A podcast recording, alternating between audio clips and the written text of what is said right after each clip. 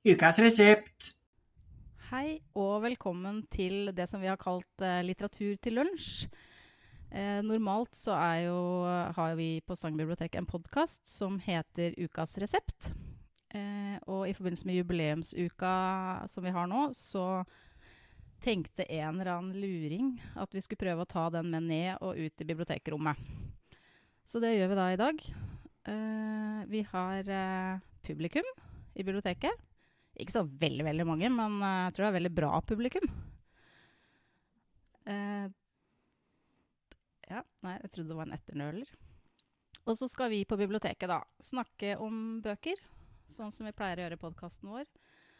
Uh, men i podkasten så er vi ofte bare to stykker, mens i dag så skal jeg sitte på scenen hele tida. Og så har jeg da først besøk av Synnøve, Hei, hei. som er liksom Det er du som har vært med på aller mest podkastsendinger. Mm. Mm. Jeg syns det er ganske gøy, da. Ja. Men det er første gang vi sitter på en scene, da. Det er første gangen. Det går bra, tror jeg. Eh, og så kommer Henry etter hvert, og så kommer Sigrid etter hvert. Og så har vi ett frafall i dag. Eh, men hun hadde to bøker som jeg har lest før en gang, og gode notater, så da henne, presenterer hennes bøker innimellom, tenkte jeg. Men da må det bære litt over at jeg må ha noen notater. Eller det har jeg for så vidt ellers òg. Yes, men skal vi bare sette i gang, da, Synnøve? -hmm. For du har med to bøker. Jeg har med to bøker som er eh, ganske eh, speisa og absurde på hver sin måte. Eh, eh, den ene er sprø i innhold, og den andre er sprø i innhold og form. Ja, for jeg har vel lest den som er sprø i innhold, jeg tror jeg. Ja. Kanskje. Ja, og den var sprø nok, den. Ja. ja.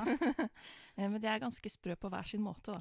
Men jeg tenkte å begynne med den eldste, som er den du ikke har lest. Eh, og det er 'Hvis en reisende en vinternatt' av Italo Calvino. Eh, han var en italiensk forfatter og journalist. Og denne boka kom ut i 1979 i Italia. Eh, og så gikk han da dessverre bort i 1985, eh, mens boka kom ut på norsk i 1986. Og boka starter med en slags prolog som henvender seg direkte til leseren av boka. Og leseren er en karakter gjennom hele boka. Og i denne prologen så handler det mye om det å lese, og forholdet man kan ha til bøker, og ja, de bøkene man har i bokhylla, og de bøkene man ser i bokhandelen. Og det kommer da frem i prologen at leseren har fått med seg at Italo Calvino har gitt ut en ny roman som heter 'Hvis den reisende en vinternatt'. Og derfor har man dratt i bokhandelen for å kjøpe den, og nå er man klar til å begynne å lese. Og det første kapitlet i boka heter 'Hvis den reisende en vinternatt'. Og det foregår på en togstasjon i en liten landsby. Han har, hovedpersonen har nettopp ankommet, men det er et eller annet som ikke stemmer. Det, er, det har vært en plan, og så har noe gått skeis, og nå er han fanget på denne togstasjonen. Eh, og det er veldig fine skildringer både av togstasjonen og av de som er på togstasjonen. Det er liksom en kafé der og en slags ja, pub eller noe sånt noe. Og de ulike karakterene som da gir liv til togstasjonen. Og etter hvert så får vi vite hva som har gått galt, da. Og da slutter kapittelet, og så begynner neste kapittel, eh, som handler om at leseren oppdager at det er noe feil med boka si. Men Det er eh, sider som blir gjentatt, og det er stor, mange sider som mangler. Så da blir jo han veldig sint og drar tilbake til bokhandelen og klager. Og de bare med en gang Ja, sorry, du er ikke den første. Vi har vært i kontakt med forlaget, og det har skjedd et feil med det opplaget som vi har fått i butikken vår. Men Og ja, du veit ikke engang hvor galt det er. For den boka med togstasjonen, det var ikke engang Italo Calvinos siste roman. Det var en polsk bok. Ja, så alt var feil. Alt var feil. Ja, ok. Og så, men de sier ja, men vi har fått inn Her er en stabel med kvalitetssikrede hvis en reisende en vinternatt, så det er bare å ta med seg den, så kan du begynne å lese. Nja, sier jo han leseren, da. Jeg likte jo den boka jeg hadde begynt på. Går det ikke an å fortsette på den, da? Eh, jo, det er jo mulig. Så, og så eh, hun bak skranken eh, peker en dame, peker ut en dame som står der, leserinnen. Og hun er i akkurat samme situasjon. Og de vil ha begge begynt å lese denne feile boka, vil fortsette å lese den polske romanen. Så de eh, Leserinnen vekker da en viss interesse hos leseren, og han overbeviser henne om at det er en god idé å utveksle et telefonnummer, i tilfelle det skulle være noe feil ved den polske òg. Mm. Eh, og så drar de da hjem hvert til sitt med hver sin bok. Og neste kapittel igjen, da, så begynner han å lese. Det som jo da skal være den ekte begynnelsen på den polske boka. Og det er en helt annen bok. Det er jo ikke noe i nærheten av en togstasjon eller noen ting. Og sånn eh, går boka. Annethvert kapittel er en ny begynnelse på en roman.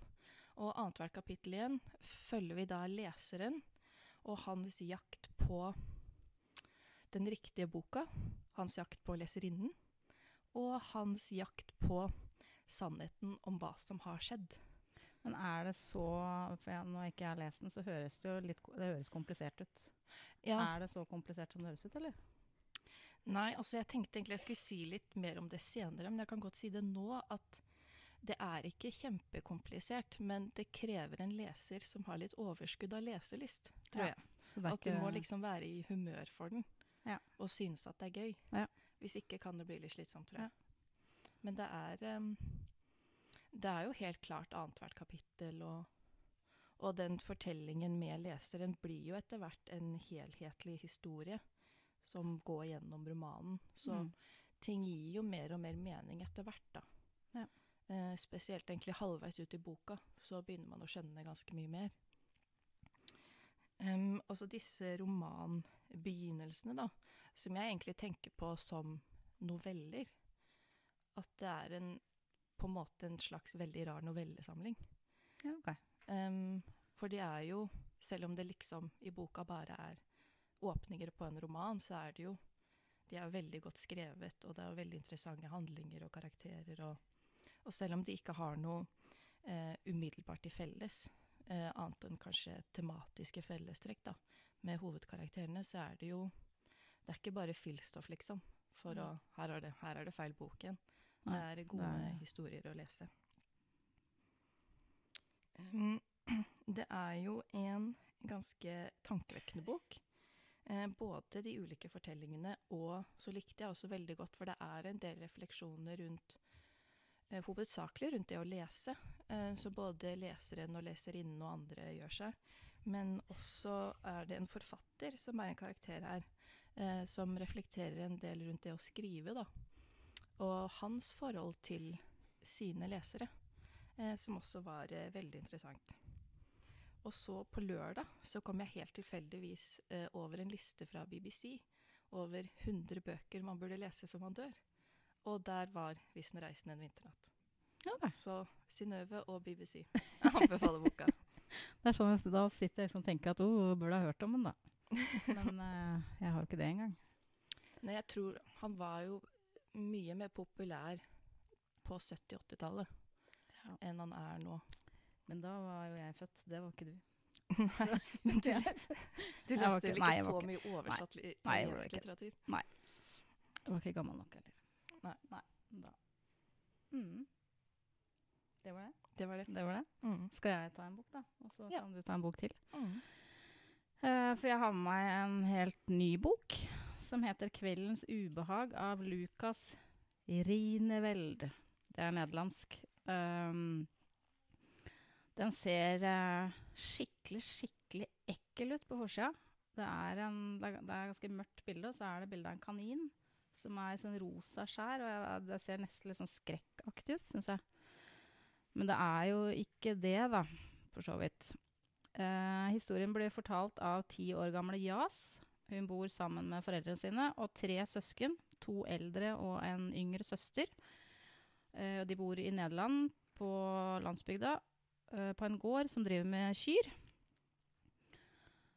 Uh, og ganske tidlig i boka, det må jeg dessverre ta med, fordi det er på en måte det som er utgangspunktet i boka. Men den, det eldste barnet i familien, Mathis, han eh, faller gjennom isen og drukner. Og så handler da boka om hvordan den familien Altså hva som skjer med den familien her i etterkant. Uh, for de takler da ikke det her overhodet. De voksne snakker ikke om broren, og da Jas eh, snakker om han, for hun altså, husker ting og kommer på ting, og eh, klærne hans, ytterklærne, henger på knaggen i gangen, og så sier faren bare at de døde snakker vi ikke om. Eh, og det er en litt autoritær far, så det er liksom sånn, da setter det på en måte punktum for at det går, altså det går ikke an å prate om Mathis lenger. Eh, moren slutter å spise, og hun slutter å bry seg om Altså hun bryr seg ikke om noen ting lenger. Uh, og hun klarer, har ikke kapasitet til å bry seg om barna sine. Og Jas begynner å bli redd for at mora skal bli borte. Uh, og det samme faren. Han blir borte lenge om gangen på sykkeltur, blant annet. Uh, og hver gang så er hun redd for at han ikke skal komme hjem. de tre søskna de sliter på hver sin måte. Storebroren, som er et par år eldre kanskje, da, rundt tolv, tipper jeg, han dunker huet i senga om nattaen Sånn at senga må polstres mer og mer. Um, og han begynner å skade dyr, uh, bl.a. hamsteren sin. Jas, som da er hovedpersonen, hun uh, nekter å ta av seg jakka. Så hun går da med jakke um, jeg, jeg, vet ikke helt hva den symboliserer, uh, men den blir jo mer og mer møkkete. Uh, og de voksne rundt blir litt sånn derre ja, Det er vel noen, na noen naboer som reagerer, og på skolen og sånn. Hvorfor jeg ikke tar av seg denne jakka. Eh, foreldrene bryr seg ikke så veldig mye. Eh, og i tillegg så setter han tegnestift i navlen. Eh, og så Og den kjenner hun jo, liksom. Hun kjenner den hver gang han beveger på seg. Eh, men hun føler nok at hun ikke har, hun har ingen faste holdepunkter i livet lenger. De ungene de bare drifter av sted på et vis.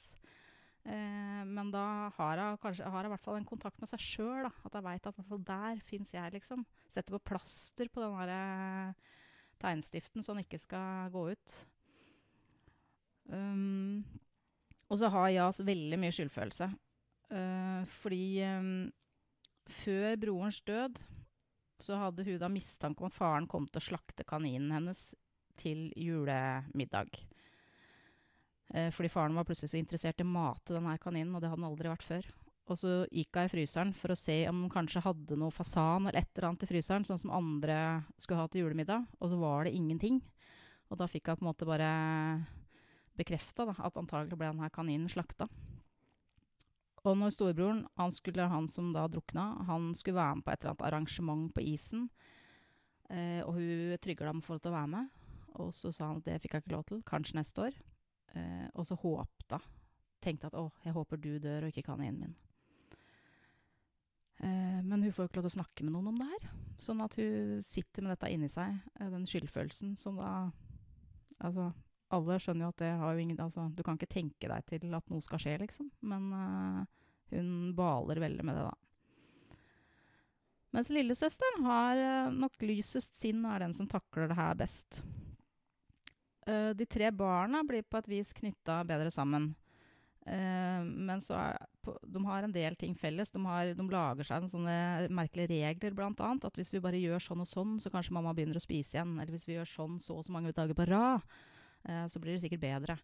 Men på et vis så er de òg sånn enslige øyer, nesten, som ikke Altså som har sorgen sin og redselen sin for seg sjøl. Uh, dette òg er en roman for en uh, ganske rutinert leser, tenker jeg. Fordi det er mye som liksom uh, Jeg tror ikke jeg, jeg, har lest noen omtaler, og der var det ting som jeg tenkte Å, oh, det tenkte jeg ikke på. så det er nok veldig mye som ligger skjult i teksten, eller som man kan oppdage i teksten. Eller nei, som, ikke, ja, som man ikke oppdager, men som ligger liksom bak, da. og så er den, den er veldig vond, da. det er jo omsorgssvikt, så det holder, liksom. Uh, men vi ser jo òg at det er jo på en måte ikke Altså, det er jo uforskyldt på et vis. Det er ikke alltid at det Det er fordi foreldrene får, får det ikke til, rett og slett. Men det blir jo ikke fanga opp. Um, men jeg syns den var utrolig bra. Uh, jeg har sutra og klagd litt over at jeg syns at uh, jeg aldri får sånne store leseopplevelser lenger. Eller er så langt imellom hver. Men nå, 2022, syns jeg har lest veldig mye veldig bra bøker. Det her er en av de. Mm. Så gøy. Ja. Du har en til, du. Ja. Eh, den andre boka som jeg ville snakke om, er jo da som nevnt litt nyere. Eh, det er 'Vi er fem' av Mathias Fallbakken, som kom ut for et par år siden.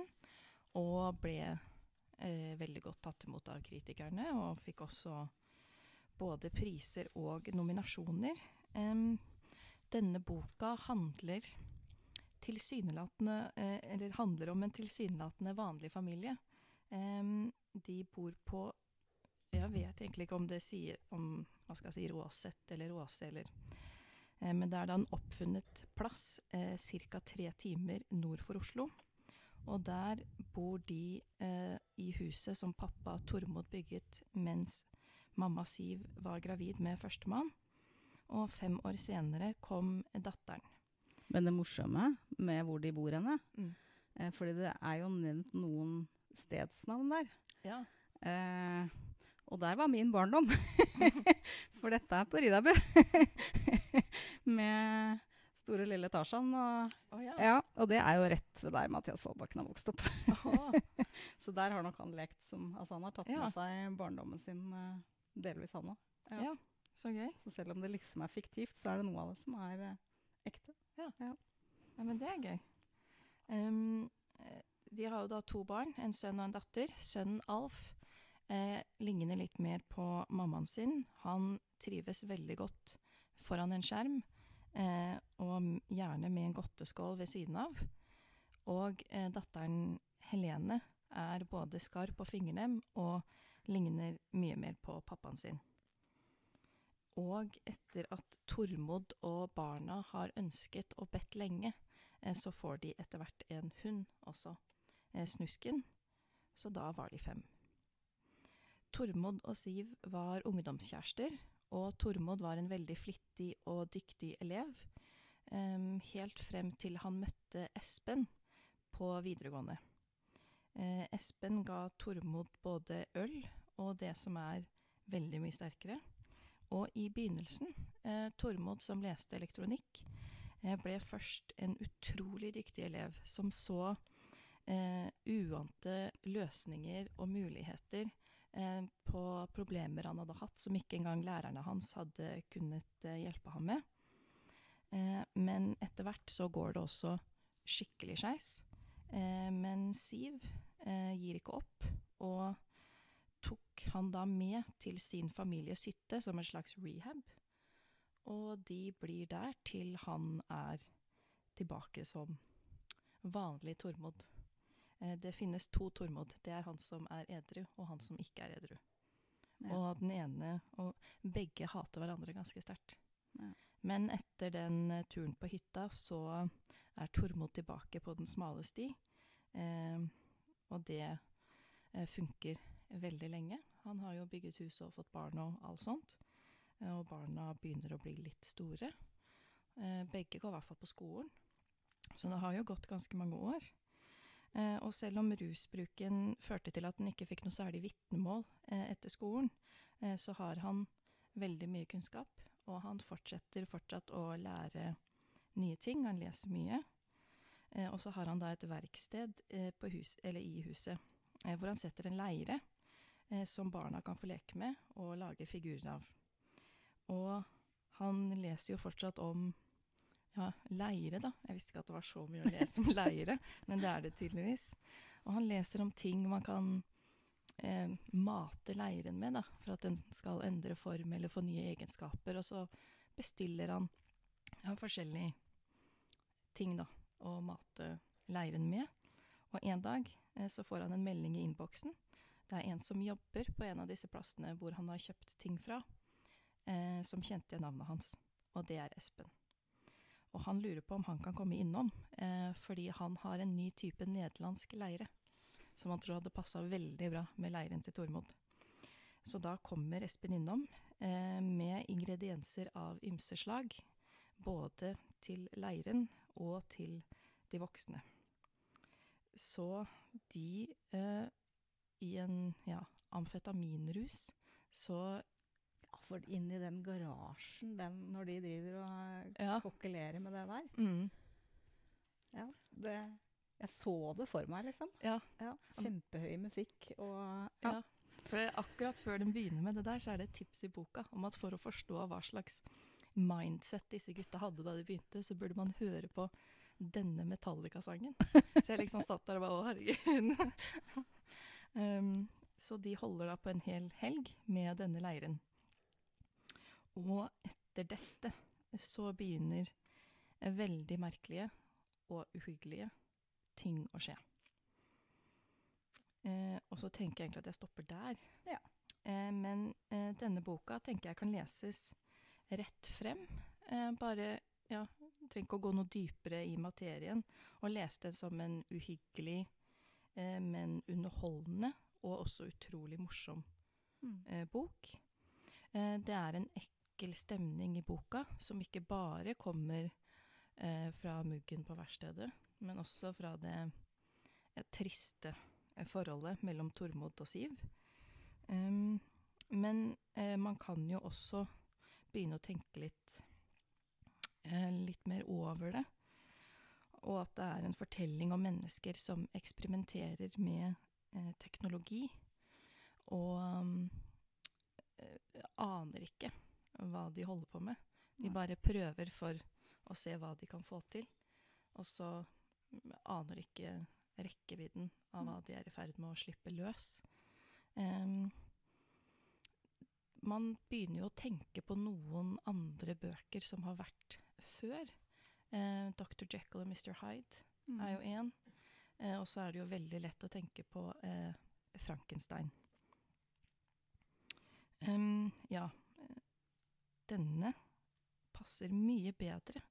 Eh, fordi man, den, jeg tror ikke den her krever noe sånn spesiell overskudd av leselyst, eller den bare griper fatt i det. Den er utrolig spennende og har eh, ikke noe dødperioder. Nei, det er veldig sånn driv høyt tempo gjennom hele boka. Ja. Eh, så den eh, Den den vant jo.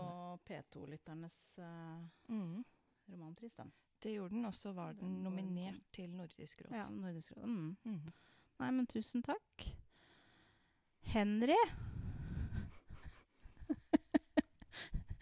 Nå må du komme. Takk skal du ha, Synne. Takk for meg. Oi, vi eh, Tiden Tiden flyr. Ja, du har lyd, da.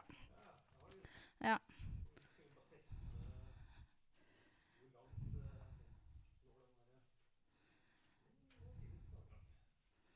Men jeg lurer på, skal jeg bare Jeg har jo en bok. Skal jeg bare ta den mens du driver og rigger deg i stand, eller? Ja. Jeg har med meg eh, Det er eh, da egentlig Heidi sin. Uh, men jeg har lest den, ja. Du har lest den, da. Uh, bok som heter 'Eg snakkar om det heile tida' av Kamara Lundestad Jof. Eh, Kamara er eh, født i Norge med norsk mor og gambisk far. Og eh, her uh, skriver hun da om hverdagsrasisme i Norge. Som vi tror kanskje ikke eksisterer så veldig. Men i den boka, altså, du, det her er et knyttneveslag i magen, altså. Hun beskriver enkelthendelser. Eh, men noen sånne små episoder som, som gjentar seg, som gjør at det gruer seg til dagligdagse gjøremål. Um, det at hun f.eks. alltid blir stoppa i tollen. Uh, det at hun ser at når hun går på bussen, så tar damer og holder litt ekstra på veska si. Tar den på magen og holder på veska si. Uh, sånne type ting. Og så har Heidi skrevet da en scene som gjorde det absolutt sterkest inntrykk på henne. Og det er den ene scenen jeg også husker fra den boka her. Uh, hun var seks år, nesten sju. Det er 17. mai. Uh, og hun har på seg nordlandsbunad for første gang. Det er en bunad som uh, hører til i slekta til mora. Og endelig så passer den bunaden til Kamara. Hun er kjempestolt. Eh, og så skal æra med mormor til byen, og så skal mormor ta ut penger i minibanken. Og mens mormor er borte, så kommer det to eldre damer bort og spør om hun har nordlandsbunad. Og hun eh, svarer stolt ja, og svinger seg rundt for å vise fram denne fine kjolen.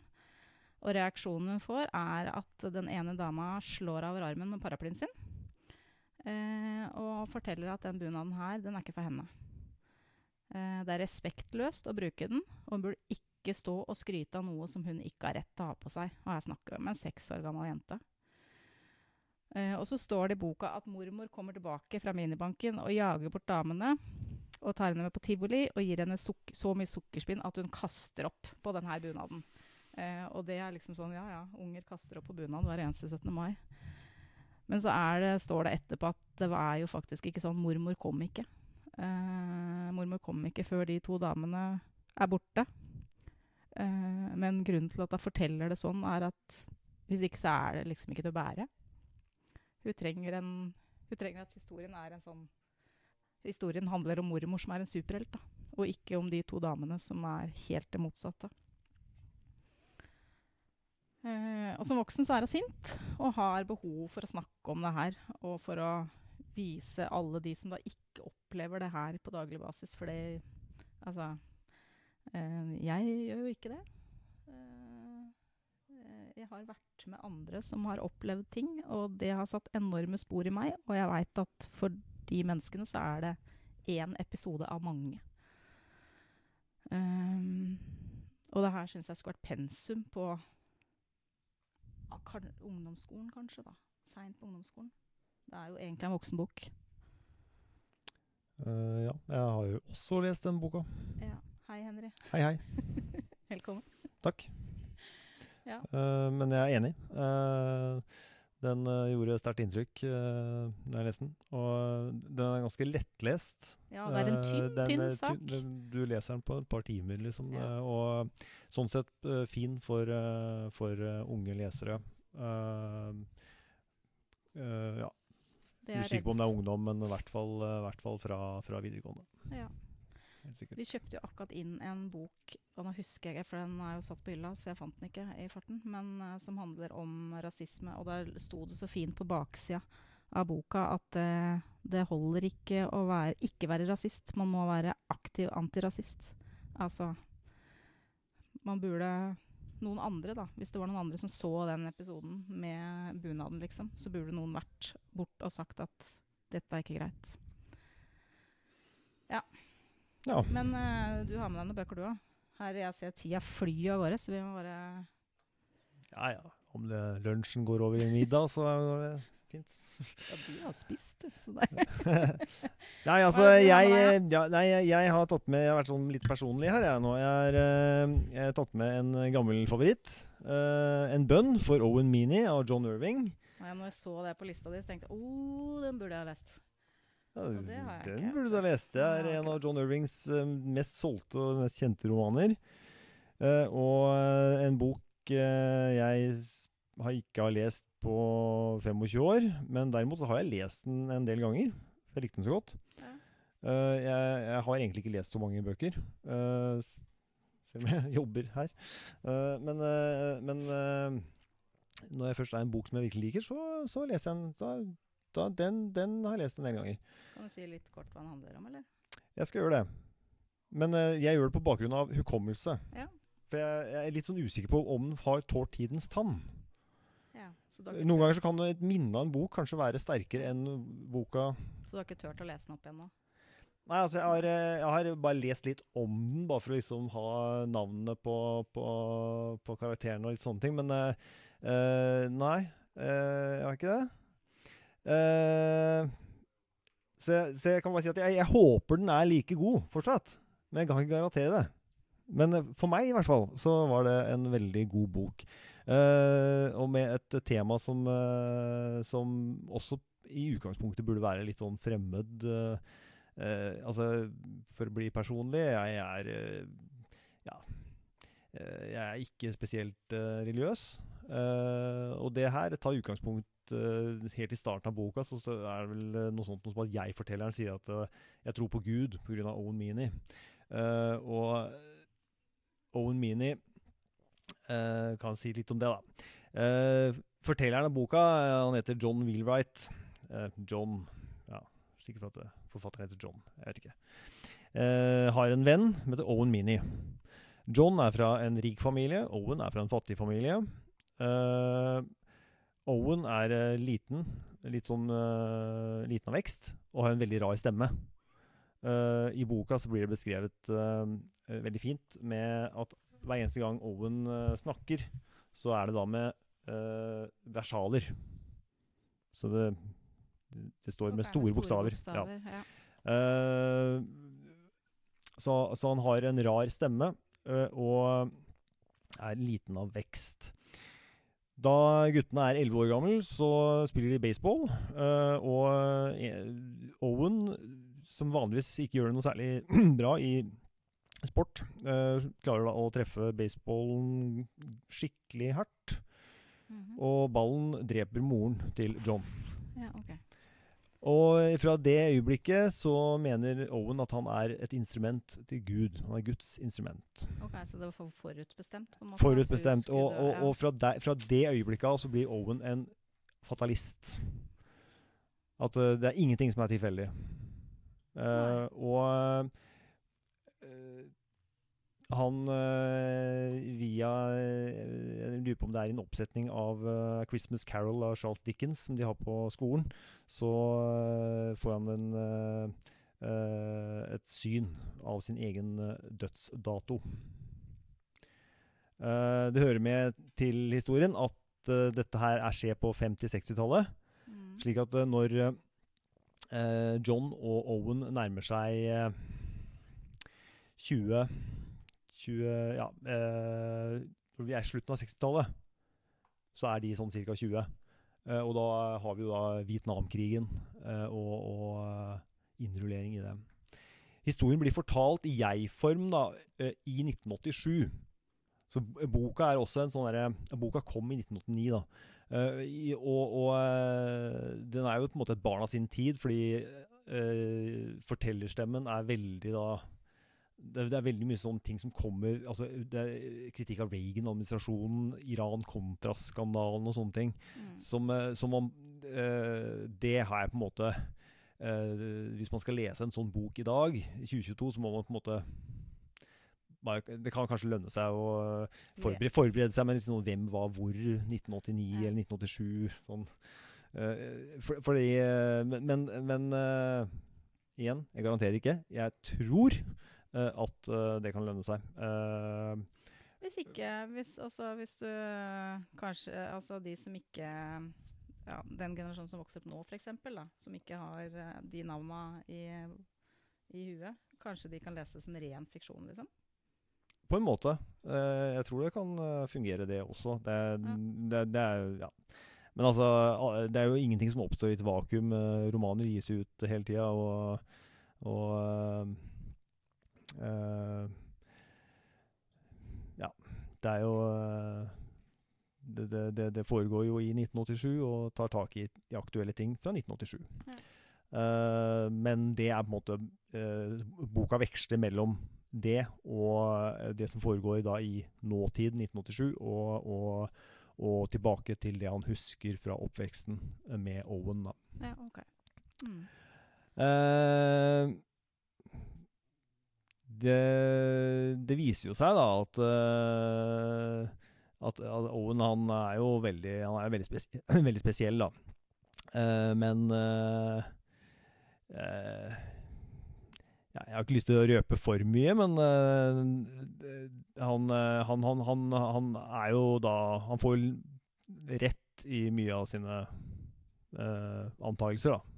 Ja, ok. Og da Ja. bekrefter det vel for han, da, at eh, Ja, altså eh, Man kan tolke det på mange måter. Altså, Hvis du virkelig er en, mener at alt er skjebnebestemt, så klarer du vel kanskje også å tilpasse virkeligheten din til det også, på en måte. Ja. Uh, ja. Ja. Så uh, Jeg uh, husker ikke hvor gammel jeg var første gang jeg leste den her, men jeg var Det var før jeg fylte 20. 16-17, tror jeg. ja, Og jeg syns at altså, de tingene jeg leste da, de gjorde enormt inntrykk. Altså, Ja, det er noe med det. ja. Eh, og, og Nei, altså, jeg har felt en tåre altså, mens jeg leste denne boka her. Det er en av de bøkene som har fått meg til å felle en tåre. Ja, altså, ja. Jeg har grått. ja, det, En gang i tiden gråt jeg. ja, det gjør jeg hele tida. Jeg tror jeg grener i alle de bøkene. En tåre for Owen Mini. Ja. Ja. Men du har med deg en bok til, da, du. Ja, ja, Helt annet. det er noe helt annet. Uh, men uh, jeg, jeg ville bare liksom ta med en sånn bok som, Ja. Som, uh, og, og jeg, en annen ting Jeg Igjen. Jeg måler alle romaner opp mot denne. Ok. Ja. Så da Så John Irving har jo på en måte egentlig ikke helt levert siden, føler jeg. Så jeg har liksom fulgt forfatterskapet hans, og jeg syns ikke han, han har ikke helt kommet seg opp på det nivået ennå. Nei. Ja. Så hvis man En uh, bønn for Owen Meany. Um, Eller så er det um, Bak ved kaffen og sånn, så ligger det ark med alle bøkene. eller uh, A Prayer for Owen Meany, hvis man foretrekker å lese den på originalspråket. Jeg har gjort begge deler. Gjort begge deler. Ja. Ja. Så moralen er at hvis du ikke har lest den uh, til nå, da, så er det på tide. Eh, kanskje. Kanskje. Som sagt, jeg har jo ikke lest den på 25 år, så Men der går det an å komme i skranken Det kan hende at den ikke er så bra. Si at, uh, For det kan hende at det, var ja. Grunnen til at jeg da kanskje syns at John Irving har blitt dårligere og dårligere, er bare at kanskje jeg er blitt, har blitt eldre eldre. Ja, det kan hende. Så det ja. Ja. Kanskje litt meningsløst å ta med, da. Jeg vet ikke. Nei, nei, Nei, vi tar en bok som, vi, som i hvert fall er litt nyere, og som jeg har lest uh, i nyere tid. Uh, ja. Det er 'Verda er ein skandale' av Agnes Ravatn. Agnes Ravatn er helt fantastisk. Agnes Ravatn er fantastisk. Ja. Uh, vi elsker uh, Agnes. Uh, jeg elsker først og fremst Agnes Ravatn når hun ikke skriver skjønnlitteratur. Uh, når hun er litt mer på Ja, nå sto denne her blant skjønnlitteratur, da, men det er, en, det er essay. Det her er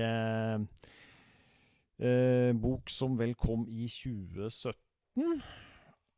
Eh, og den handler jo egentlig om eh, at Agnes eh, har fått ja, barn og mann, og ønsker seg en litt lengre opphold i, i, på bygda.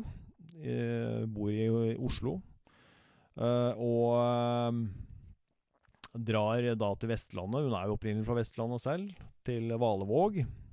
Jeg tror ikke hun, hun er ikke opprinnelig fra Valvåg, da, men hun er eh, ikke så altfor langt unna. Nei. Eh, Dette er i Sveio kommune. Eh, og planen er vel at hun ønsker å skrive litt om Einar Økland, forfatter, som også bor der, da. Mm. Ehm, og det er jo blitt skrevet andre bøker om det her med forskjellen mellom by og bygd, og litt det her med uh, at man uh, Ja Det blir på en måte en klisjé, da. Uh, liksom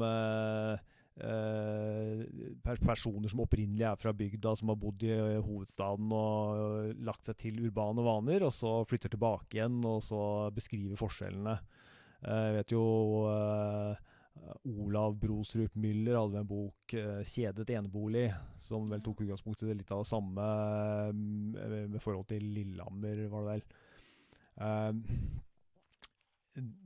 Det er noe av det i denne boka her, men det er bare veldig mye bedre skildra. fordi Ravatn er bra. Altså, hun er helt fantastisk god til å skrive. Ja. Jeg har faktisk tenkt å ta meg friheten til å lese litt høyt Ja, ja. også. eh, men først vil jeg bare si litt mer. Fordi eh, det som da ble planen Altså planen til Ravatn var jo da å være der en begrensa periode, eh, to eller tre måneder, og så skrive, skrive og besøke og snakke med Einar Økeland. Eh, og nå Hun endte, der. Ja, hun bor der fortsatt. Bor der fortsatt. Ja. Ja. Så det endte opp med at hun rett og slett flytta og ble boende i, i, i Valevåg. Men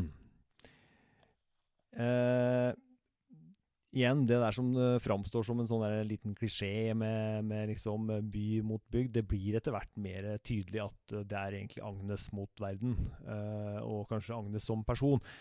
For eh, hun har jo skrevet eh, eh, en bok Boka som kom før den her, eh, var vel 'Operasjon selvkontroll'. Som egentlig bare handler om å, hvordan i all verden skal jeg klare å få gjort noe som helst når jeg har den dumme telefonen min som eh, får meg til å sjekke nettaviser hele tida. Ja. Det skrev hun i 2014. Jeg vet Og, ikke. og det Hvordan står det til med scrollinga di? Dårlig? Nei, altså, telefonen ligger borti der nå. Ja, det er ikke Ja, verst. Nei, da. Ja. Nei, det er Nei, spill inn mer eh, kan man- ja. Ja. Nei, ikke sant? Så, så, så, så litt sånn Agnes mot verden. Uh, jeg har bare lyst til å lese litt, da, når hun Skal vi se For hun måler seg veldig opp mot forfatter Einar Økland og hans kone Liv Marit. For de er jo selvfølgelig veldig, veldig flinke til å bo i Valevåg i Sveio. Ja. De lever veldig harmonisk der. Som hun opplever som en stor utfordring, da. Eh,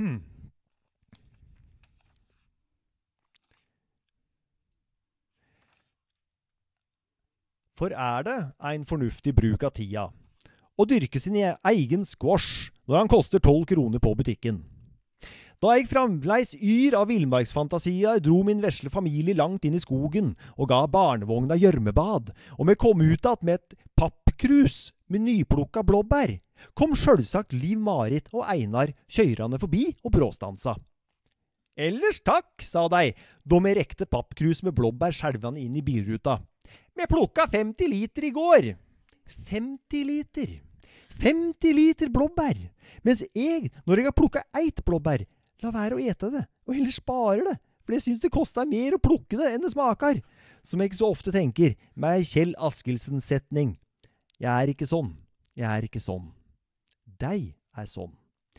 Ikke det at de har ei myr der de henter ut jernmalm som de smir kniver og økser av, men hver gang vi et hos dei, serverer de heimelaga brød og syltetøy og heimesylta desserter, og jeg glemmer aldri at åp åpnings åpningssetninga til Einar første gangen jeg ringte han for mange år siden, var Hoi, hoi, jeg koker skjutten i.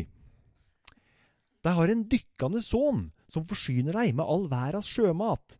En kjenning kjem med svære kasser med torsk i desember. En annen kjenning forsyner deg med eple fra Hardanger. En tredje kjem med lokal hjort, og, villsau og villsauene deira står i skrivende stund og skrik seg håse fordi lamma akkurat er skilde fra mødrene. De skal sendes til ein vennlig slakter som prøver å la drepinga bli ei positiv oppleving, slik at det vakuumpakka kjøttet de får tilbake, er fritt for stresshormon. Ja. Og jeg kjenner, jeg blir nesten litt irritert sjøl. Sånn, for det er noen folk som får til alt. Ja, ja, ja, de får til alt. Ja. Og, og de får til alt på en, på en skranten forfatterinntekt, ikke sant? Ja, ja. Eh, for det har jo også da Ravatn. Einar Økland har jo også skranten forfatterinntekt, men klarer alt, for han har gode kjenninger da, ikke sant, overalt. Ja, ja. det er så fint. Ja. uh, eh, ja. En annen ting som man også kommer litt sånn tett innpå, det er jo Ravatn uh, som forfatter. Uh, også versus Økland som forfatter. Det er litt morsomt å lese om, da. Litt den prosessen rundt uh, det å skrive. De liker å skrive for hånd, begge to. Okay. Men det er ikke bare bare det. Nei, det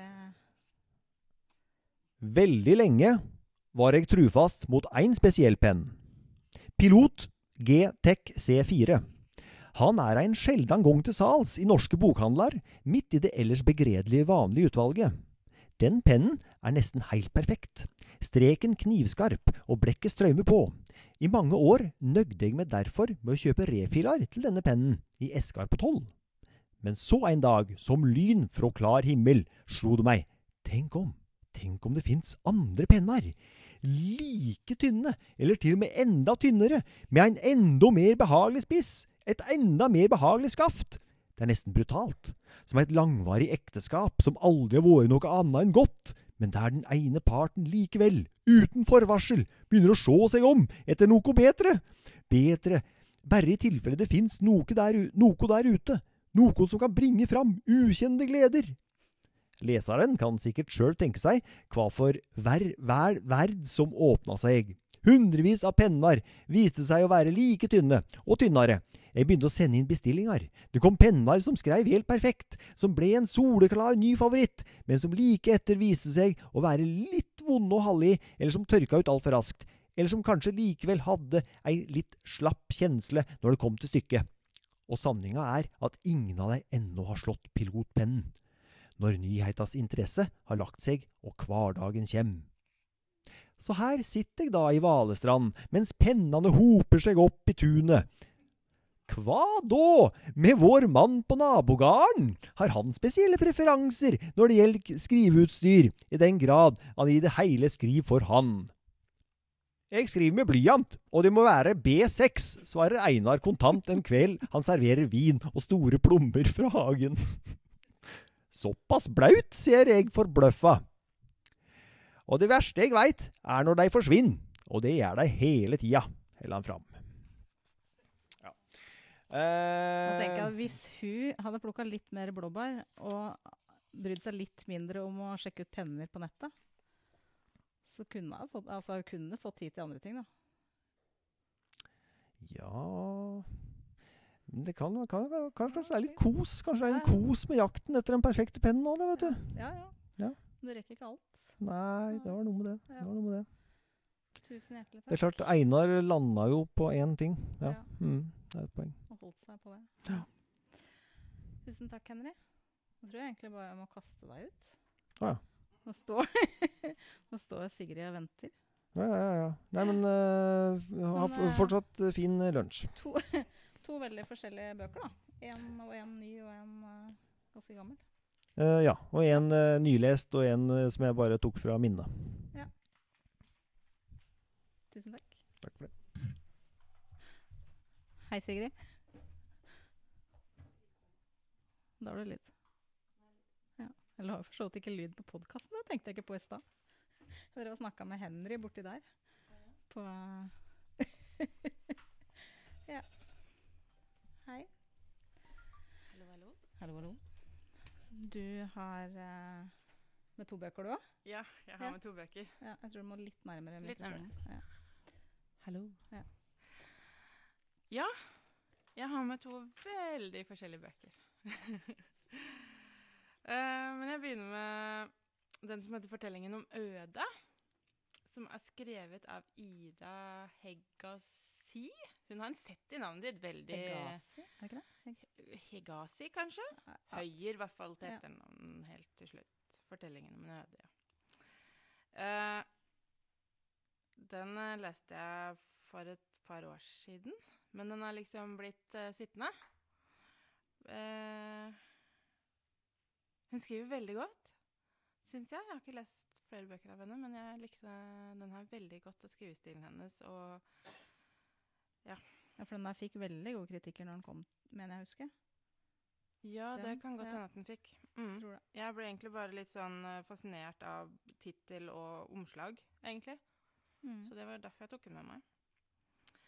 Men i denne boken så møter vi altså Carlos Ritter. Han er tysker, og dette er i ca. mellomkrigstida, tror jeg det skal være. Og han er lei. Han er lei alt. Eh, han er lei av storbylivet, tettheten og støyen. Alle de intetbringende prosjektene menneskene har tatt fatt på. Han er lei ansamlinger. Han er lei av å drikke portvin på kafé hver søndag. Lei av å diskutere politikk. Lei av å måtte ha meninger om kulturelle begivenheter. Lei av gatenett, lei av tankesett. Lei av Europa. Kort sagt, lei av det meste som kunne minne om moderne samfunnsutvikling. Denne evinnelige framgangen. Dessuten var han lei av kona si, av jobben sin, og ikke minst av den meningsløse anstrengelsen med å måtte ta på seg klær hver eneste morgen. Han hadde fått nok. Han ville vekk. Og til et sted helt uten folk, uten forbindelser, ja, uten tilknytningsmuligheter overhodet. Så Carlos Ritter, han uh, sier opp jobben. Han skiller seg, og han selger alt han har. Han er tannlege og vet at tenner er til besvær. Så han setter seg i tannlegestolen sin og drar ut alle tenna sine. Uh, han lager seg et uh, reservegebiss av stål, eh, bare sånn i tilfelle. Og så flytter han til en øde øy. Og dette er en båtreise som tar fire måneder. Eh, og det er ikke en veldig vennlig øy heller. Selv om det er varmt klima der, så kan jo også det bli litt heftig. Etter et år så har han uh, fortsatt ikke kommet seg ordentlig inn på øya. Han har ikke funnet en uh, ordentlig uh, drikkevannskilde. Så han samler regnvann og drikker det. Eh, det han eh, så på som en slags sånn eh, utopisk tilværelse alene på en øde øy, eh, det er ikke helt det han håpet det skulle være. Men han begynner etter hvert å skrive noen rapporter. Eh, den første kommer vel omtrent etter et år, og så liksom poster han det i en tønne på stranda. Eh, og han skriver flere sånne rapporter. Um, han vet ikke helt hvorfor, men plutselig så begynner han å lyve i disse rapportene. Kanskje litt for å trøste seg selv. Uh, men han skriver egentlig etter hvert mer om drømmen enn om realiteten. Og poster da disse i denne tønna. Men en dag så er disse brevene, eller rapportene, de er forsvunnet. Antageligvis har det faktisk vært en båt innom som han ikke har fått med seg at har vært der. Og plukket med seg disse, disse tekstene. Men etter hvert så finner han vann. Det er en bitte liten, bitte, bitte liten vannkilde. Men uh, etter, med, med, litt arbeid så blir det jo mer. Og han kommer seg lenger inn på øya. Han får bygge seg et uh, lite hus av det han finner. Uh, og han uh, dyrker grønnsaker. Han hadde jo trukket alle tennene sine, fordi han skulle jo ikke spise kjøtt mer. Han trengte jo ikke det på en øde øy. Denne drømmen om å være vegetarianer den kan han bare se langt etter, for det finner han raskt ut at han overlever ikke uten å slakte dyr. Um, så han får godt god bruk for dette reservegebisset sitt, da. Så det var fint han lagde det. Utrolig sært, altså. uh, men tilbake til disse rapportene, da. For de er jo blitt funnet. Og de er blitt frakta. Uh, han er jo tysker, så jeg regner med at jeg har liksom kommet tilbake til Tyskland på en eller annen måte. Uh, og de blir altså De blir altså publisert i avisa disse løgnene. Og ekteparet Wittermann de blir veldig fascinert av eh, Carlos Ritter og hans fortellinger. Og ender faktisk med å reise til denne øya. Hun er gravid, og han er stormende forelska i sin nye kone. Uh, de lander på feil side av øya noe de får merke litt.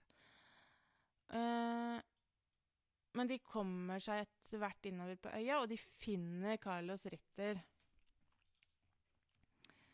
Uh, noe den forhenværende tannlegen på ingen måte setter pris på.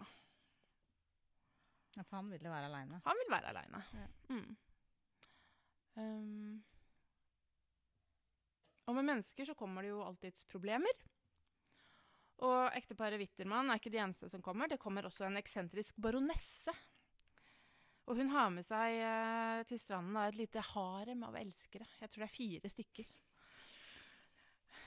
Uh, og hun går visstnok rundt med hva var det, pistol og pisk. Ja, et eller annet sånt noe. Så ifølge de andre er det djevelen kommet til øya. Dette her er en sær historie. Den er absurd. Og den er helt fantastisk. Og det jeg fant ut i går, er at den er basert på en sann historie. Tuller du? Nei! Det er helt fantastisk. Dette er faktisk Og ikke bare løst. Eh, er, han het ikke Carlos, men han het Ritter, og han var tysker. Og han eh, dro av gårde. Og eh, ekteparet Wittermann kom etter, og baronessen var også der er det rareste jeg har hørt. Var det kanskje bare to da-elskere og ikke fire, men likevel. Dette er basert på en sann historie som blir kalt for Galapagos-affæren. Men jeg skjønner jo at hvis du som forfatter kommer over noe sånt, så må det være utrolig fristende å skrive om det. Ja. Det er helt, helt absurd.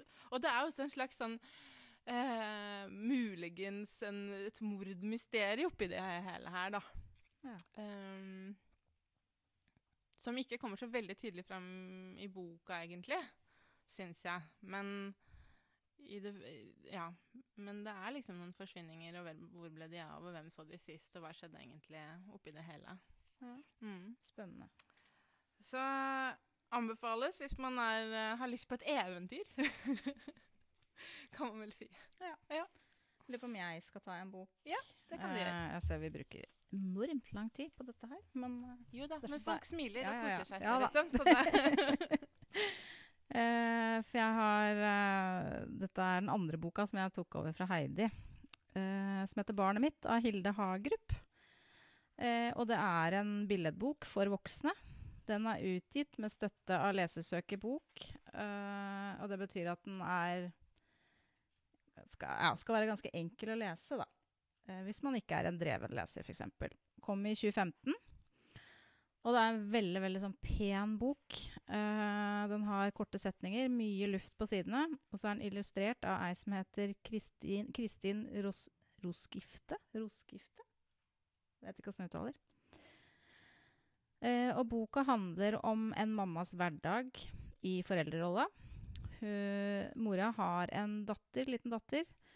Uh, og det er liksom handlinga går på hva som skjer hjemme der fra morgen til kveld. Eh, og det starter veldig sånn gjenkjennelig med en mor som er veldig trøtt og sliten, har sovet lite eh, og ikke driver og lager frokost og orker egentlig ikke å stå på beina. Og så har jeg en liten datter som lurer på mamma, kan ikke du hoppe, du ser så rar ut når du hopper. Så står mora der da, og smører brødskiver og hopper mens hun lurer på om hun klarer å stå på beina når hun lander igjen, for hun er så sliten. Eh, og så ser jeg da i sidesynet at dattera velter mjølkeglasset sitt, så det renner mjølk over hele bordet og ned på gulvet og utover. Eh, og hun ser lysestaken som står på bordet, som hun kjøpte når hun var gravid, for da planla hun alle de koselige frokostene de skulle ha hjemme, med tent lys og fred og ro. Eh, og så ble jo ikke hverdagen helt sånn, i hvert fall ikke foreløpig. Nå er det liksom en kamp mot klokka. Lysestaken står der som en konstant påminning om hvordan det skulle vært. Eh, og det er barnehagelevering, og det er jobb, og det er henting, og det er eh, tid sammen bare på ettermiddagen. Og de ettermiddagene er altfor korte. Eh, det handler jo en del om dårlig samvittighet, eh, bekymring. Eh, når hun er på jobben, så bekymrer hun seg for om dattera har det bra i barnehagen. Eh, når uh, dattera er hjemme, så bekymrer hun seg for om hun gjør ting bra nok, eller om hun bekymrer seg for mye, gjør for mye, gjør for lite. Eh, har hun huska skiftetøy nok i barnehagen? Um, og lurer på liksom om det hun gjør, er bra eller dårlig som mor. da. Eh, og hun er trøtt og sliten. Og trøtt og sliten. Boka er veldig sånn ærlig. Eh, og den er, eh, balanserer ganske fint hvordan det er å ha små barn. Den der blandinga med å være uendelig glad i noen, men å være så sliten at du ikke helt vet hvordan du skal orke den dagen i dag. Uh, den er mest av alt veldig, veldig fin.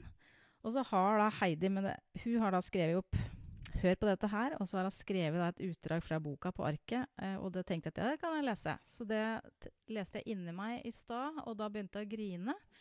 Eh, så det kan jeg ikke lese høyt. Nei, jeg trenger ikke det. Eh, for jeg jo husker jo hvordan det var, selv om for meg så er det lenge siden, for jeg har tenåringer. Men eh, det er slitsomt. Og så er det veldig koselig. Eh, og boka er sånn.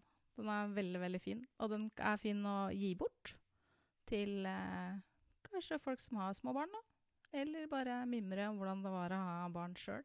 Jeg tenker det kommer nok ganske tilbake. Har du lest den? Ja. Jeg har lest den. Du er liksom litt mer i småbarnsfasen enn jeg er. Den er veldig gjenkjennelig. Ja. Mm. Mm. Mm. Den tar, liksom, tar det på kornet, liksom. Ja. Yes. Mm. Så når vi likevel er inne på små barn, Ja, det sånn, var det jeg tenkte at passa fint, for jeg visste at du skulle ha en så har jo jeg tatt med meg boka 'Surpomp'. Ehm, den har vi lest mye hjemme hos meg. og den er så fin. Den syns jeg voksne skal lese også. Um, her igjen var det forsida som dro meg, da, fordi det er jo bilde av denne sjimpansen som har altså verdens sureste uttrykk. Altså, han er liksom definisjonen av surpompe, egentlig. Um, den er skrevet av en dame som heter Susanne Lang, og illustrert som, av Max Lang. Så det høres ut som dette er et sånn ekteskaps... Uh, et eller annet. Ja. Og de har uh, ett barn, eller? Jeg begynner å lure på om det er liksom tatt fra hjemme. Men det handler altså om Jim Pansen som, som våkner en dag og føler at alt er feil. Naboen hans, eh, Norbert, som for øvrig er en gorilla, eh, spør kanskje du er gretten. Nei, jeg er ikke gretten. Um, og så begynner de å vandre rundt i, i, jungelen, og alle dyrene de møter, de kommenterer da ikke sant, at uh, 'Hva er det med deg i dag? Er du sur? Er du gretten i dag? Hvorfor ser du så rar ut? Hvorfor er det uh, Nei, jeg er ikke sint. Jo, men du har jo øyenbrynene så langt ned. Så tar han de opp, og så Ja, men du, skuldrene dine er sånn her. Ja Og så røtter han seg opp da, ikke sant? Um, og så til slutt så går han der og smiler rak i ryggen og har det skikkelig vondt inni seg. Fordi han er annerledes på utsiden enn på innsiden. Um, og, og, de andre Men hvorfor er du gretten? Det er jo en fin dag. Du har ikke noen grunn til å være gretten. I tillegg så kommer de da med velmenende forslag. Ja, men kan du ikke gjøre som oss? Vi danser litt, grann, så blir du glad. Kan du ikke gjøre som oss? Rull deg i søle, så blir du glad. Uh, og alle har liksom sånne gode tips da de kommer med. Uh, og til slutt så blir han ordentlig sint og klikker i vinkel og um, roper til de 'Er ikke sint!' Og så blir han lei seg, ikke sant? Fordi han har vært sint på vennene sine. Men hvorfor er det ikke lov til å ha en dårlig dag? Selv om det er en vakker dag. Altså, jeg, jeg elsker denne boka. her. Jeg syns illustrasjonene er fantastiske. Og den beskriver så godt følelsen av å være gretten. Den beskriver hvordan du ser ut når du er gretten. Um, og den sier altså, Ja, for den beskriver da kroppsspråket. Uh, og den beskriver hvor irriterende det er når andre sier 'Hvorfor er du gretten?' Er du gretten? Du har da ingen grunn til å være gretten. Uh, fordi av og til så har man en dårlig dag, og det er helt greit. Um, så det er et, kanskje et fint utgangspunkt å snakke med barn om følelser? Ja, sånn, da. veldig ja. fin. Uh, I tillegg til kanskje en liten sånn pekepinn til voksne. Ja. Uh, jeg vokste i hvert fall opp med Hvorfor er du sint? Du trenger ikke å være sint nå. Du har ingen grunn til å være sint nå. Ja, men jeg er jo sint. Jeg må da få lov til å være sint hvis jeg vil det. Uh, så det er en veldig fin både for voksne og barn, egentlig. Kanskje en liten sånn en liten Ja. Også en fin gavebok, egentlig. da. Jeg, ja. ja. Jeg har allerede gitt den bort til flere små fettere. Mm. Ja. Ja. ja. Nei, litt sånn uh, påminnelse ja. på om at det er greit å være sint. Mm. Ja. Mm. Jeg skal ta en bok sånn kort på, helt på slutten. Uh, som heter 'Kråkemannen' av Alf Marius Oppsal. Og det er en bok om kråker. Kråkefugler. Eh, forfatteren han eh, har da undersøkt hva det er med kråkefugler, og jo mer han har funnet ut, jo mer fascinert blir han. Eh, han skriver om eh, han, altså det er funnet beskrivelser av kråkefugler fra et veggmaleri i en grotte i Frankrike fra 15 og 17 000 år siden. Uh, det er store kunstnere som har portrettert kråkefugler, som Vincent van Gogh og Pablo Picasso. Og kråkefugler er også portrettert i både litteratur og film. Uh, ikke alltid på hyggelige måter, egentlig. Kråker er jo åtseletere og har et rykte på seg om å varsle død. Eh, men det er jo mye snakk på at det er veldig intelligente fugler. Uh, og I den boka så står det at det er en del forskere som mener at kråkefuglene har fått mye mer intelligens enn de har bruk for. Uh, med tanke på hvilke muligheter de har i, altså, med den kroppen de har. på en måte. Um, og Alf Marius, altså forfatteren, drar også på besøk til en som heter Espen Sletteberg, som har bodd sammen med en kråke som heter Hafes i 16 år. Eh, og Hafes kom til han ved en tilfeldighet i en park. Eh, og forholdet mellom dem har da blitt bare sterkere og sterkere med åra. Uh, og den historien hvordan han Den krokka stakk av en gang, og den historien hvordan den kom tilbake, og er helt sånn det er nesten, Jeg satt og tenkte det her kan jo ikke være sant, liksom. Det er derfor Altså Så smarte kan de ikke være. Men så tror jeg på det òg, da. Det er da ei bok om kråker, både sånn betydning i samfunns... Eh, sånn historisk sett i samfunn, men eh, inneholder mange historier om eh, hva mennesker har opplevd i møte med kråker. Og så blir det også en bok om døden, fordi når han forfatteren driver og forsker på det her, så er han mye ute og ser etter kråker. Både aleine, men òg med folk som har det som hobby, rett og slett.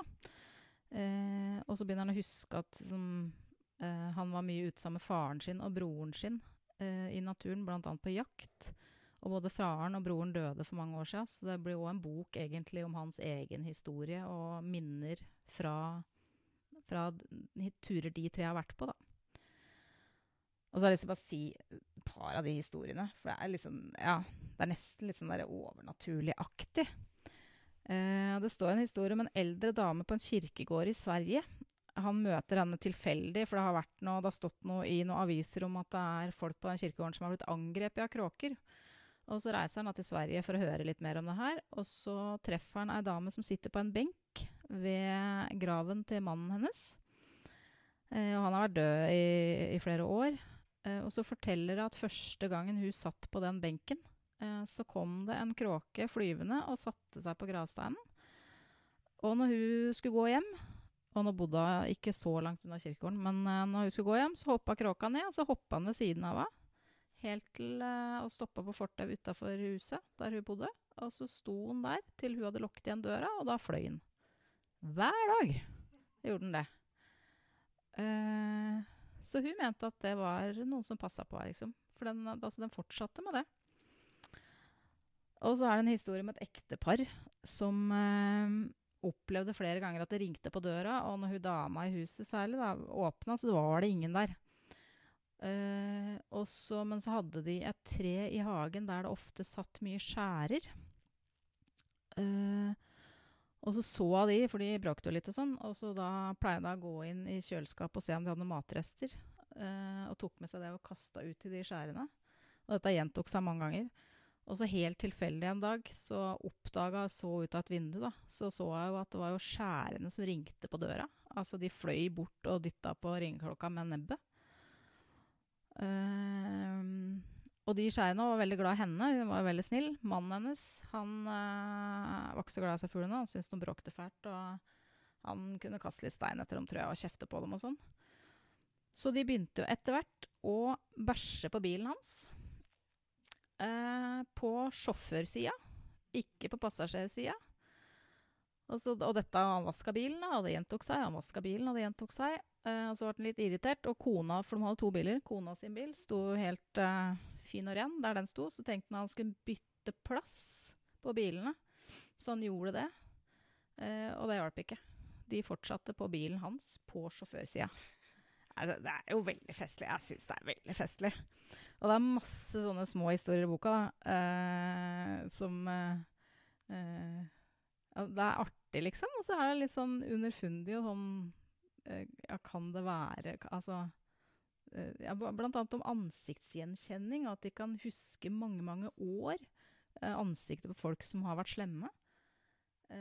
og til og med kråker som De hadde et fors forsøk på det her, og så mange år etter det var en som gikk med Var det Nixon-maske? Ja, det var Nixon-maske. Ja. Mm. Og så var det en forsker som mange år etterpå prøvde å gå på samme sted med samme maske, og da ble han angrepet av kråker som var for unge til å ha levd den første gangen de drev med det forsøket. Så de har da fortalt eh, at det her er en slem fyr, liksom. Eh, altså, eh, eh boka var utrolig artig, rett og slett. Eh, så den anbefales. Den kom nå ja, rundt nyttår, tror jeg. Jeg har i hvert fall fått lyst til å lese den etter at du har stått og prata om den, og bare Vet dere hva?! Ja, og nå er jeg jo blitt sånn Han jeg bor sammen med, er sånn Hva er det dere ser på nå? Åh, er det kråker? så, jeg- så jeg er liksom sånn Hva driver du med? er det noe spennende? Gjør det noe spennende?